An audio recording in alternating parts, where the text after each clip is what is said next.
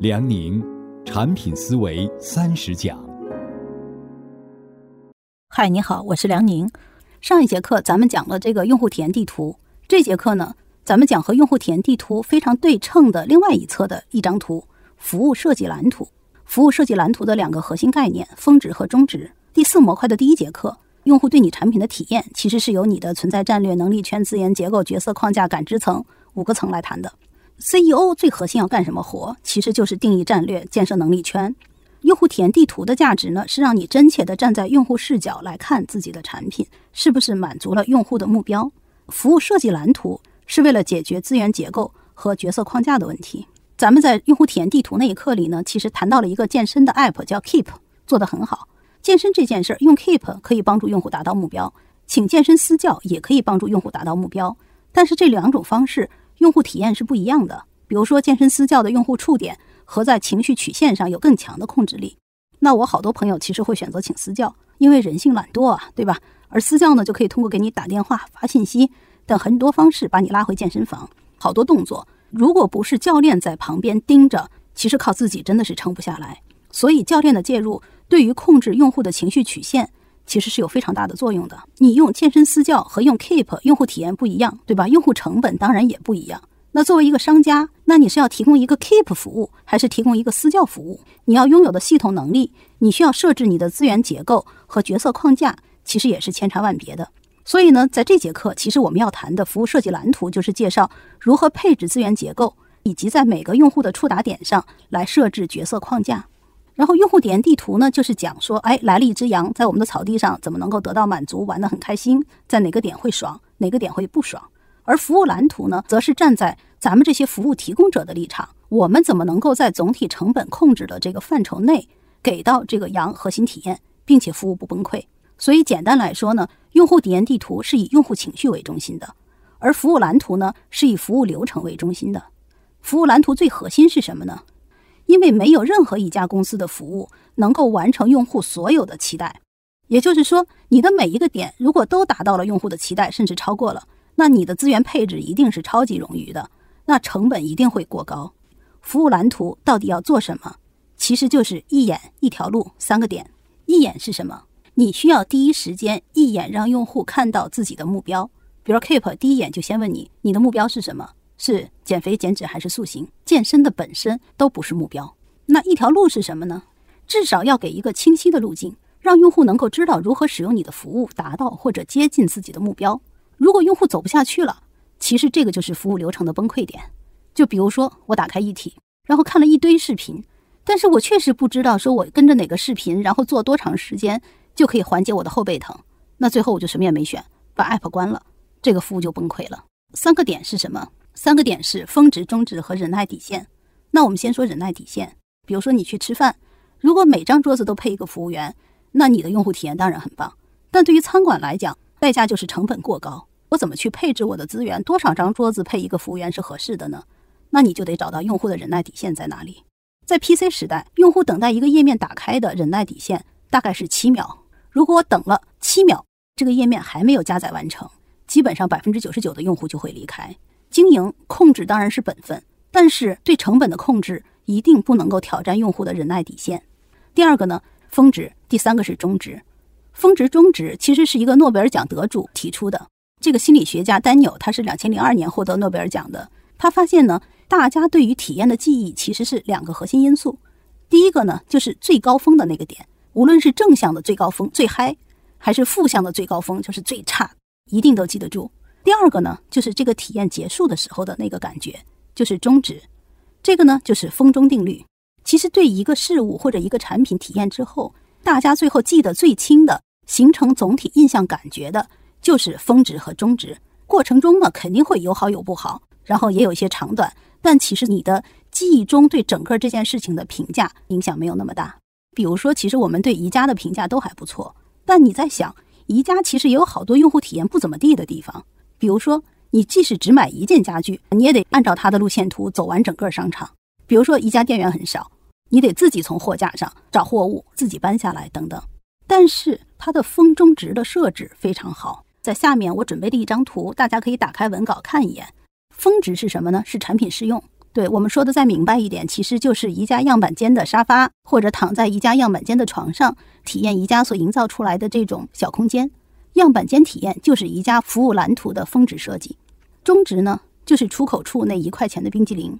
所以，我们其实会发现有不少朋友逛了一天宜家，最后什么也没买，可能就是在三层喝了一杯会员的免费咖啡就回来了。而大多数人的心情其实对宜家的评价都还不错。为什么？因为他体验了宜家的峰值。那另外一个大家都体验很好的，其实就是迪士尼。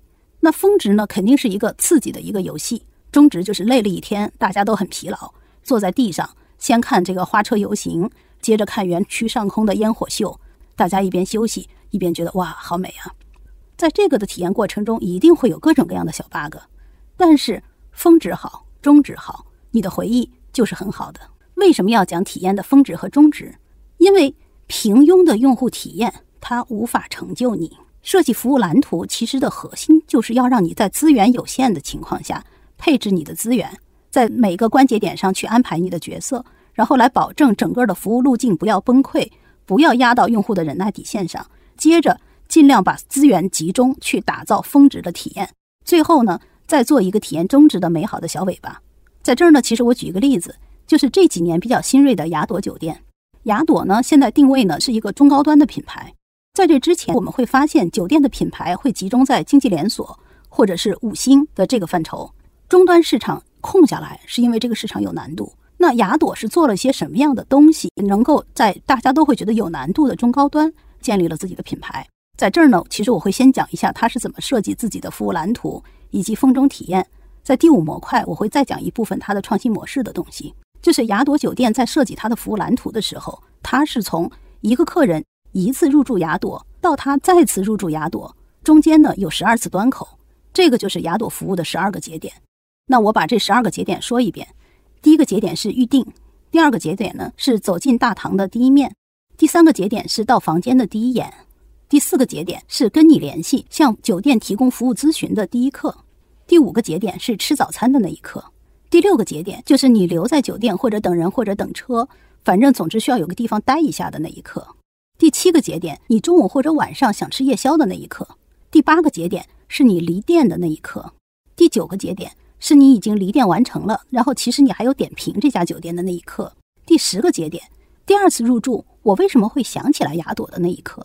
第十一个节点，为什么会有住客要向他的朋友推广和介绍的那一刻。第十二个节点就是还有住客。要再次预定的那一刻，这十二个节点都是不一样的，所以呢，它的资源配置和它设置的角色的工作都是基于这十二个节点去做的。比如说，在雅朵办入住，就是第二个节点进入大堂的那一刻，有三项服务，其实都是为了加强这个第二个节点的体验强度。比如百分之百奉茶，到了雅朵先给你倒杯茶，然后三分钟 check in，有时候呢再做一个免费升舱给用户惊喜。你在雅朵一次入住的终止体验呢，其实就是 check out 的时候。这个时候呢，会给你一瓶矿泉水。如果是冬天呢，给的这瓶矿泉水就会是温热的，并且呢，雅朵给他的每一项服务都起了一个文绉绉的名字，给人家这瓶水叫“别有甘泉”什么的。但是你当时其实是有概念感的，并且有印象留存。对于用户来讲，这个就够了。刚才呢，我们说了雅朵服务蓝图的十二个节点。雅朵在这十二个节点上，它在做资源配置的时候，其实它是做了一个叫做“与其更好，不如不同”的资源策略。比如说，你一入住，一推门，第一眼看到的肯定是酒店大堂。那一般的四星酒店装修大堂都会花最多的钱，而雅朵的大堂呢，其实它没有在什么大理石啊，在这些地方上去花钱，因为你再花钱，其实也不如五星酒店啊。所以雅朵可能会更容易去做一个有温度可体验的小空间，就比如说奉茶呀，比如说在大堂设一个图书馆。然后在那儿可以看书、喝咖啡，还可以把书拿回房间看。那这个是什么呢？其实就是与其更好，不如不同。那房间呢？就是雅朵，其实它会在床上、床垫、枕头上花更多的钱，让睡眠的品质会好一点。因为对于出差的人来讲，其实核心需求是睡一个好觉。那床品体验好，对出差的人就很关键。雅朵它的地毯其实是花了很少的钱。那这个是什么？其实就是一个用户体验地图和服务蓝图对接的过程。在用户有预设的地方。不要让用户太失望，在用户没有预设的地方呢，哎，再制造点小惊喜，制造峰值。其实雅朵它的每个房间的平均成本是控制的蛮好的，但是呢，整个的体验口碑还是不错。这堂课我们就到这里，总结一下，咱们有了用户视角的用户体验地图的概念之后，其实需要对接去做服务蓝图，来安排我们的资源以及配置在每个接触点的角色，然后完成服务。但是呢，因为我们每个企业的资源都是有限的，所以其实我们不可能在所有的点都达到用户预期。所以我们其实要做的就是在服务蓝图上如何配置自己的资源，然后来制造用户体验的一个非常美好的峰值以及令人回味的终止。这节课的最后，咱们还是留一个作业，按照服务设计蓝图峰值中值的理论，我们来设计一次约会。你要设计出来这次约会的峰值和中值。单身狗至少和客户总得见个面吧？如果客户也没有的话，那就设计一个和你的朋友的一次约会。总之来讲，一定是峰值和中值是你事先的设定。如果哪个比较好玩，我们会抽其中的五个发个小奖品。这节课就到这里，谢谢。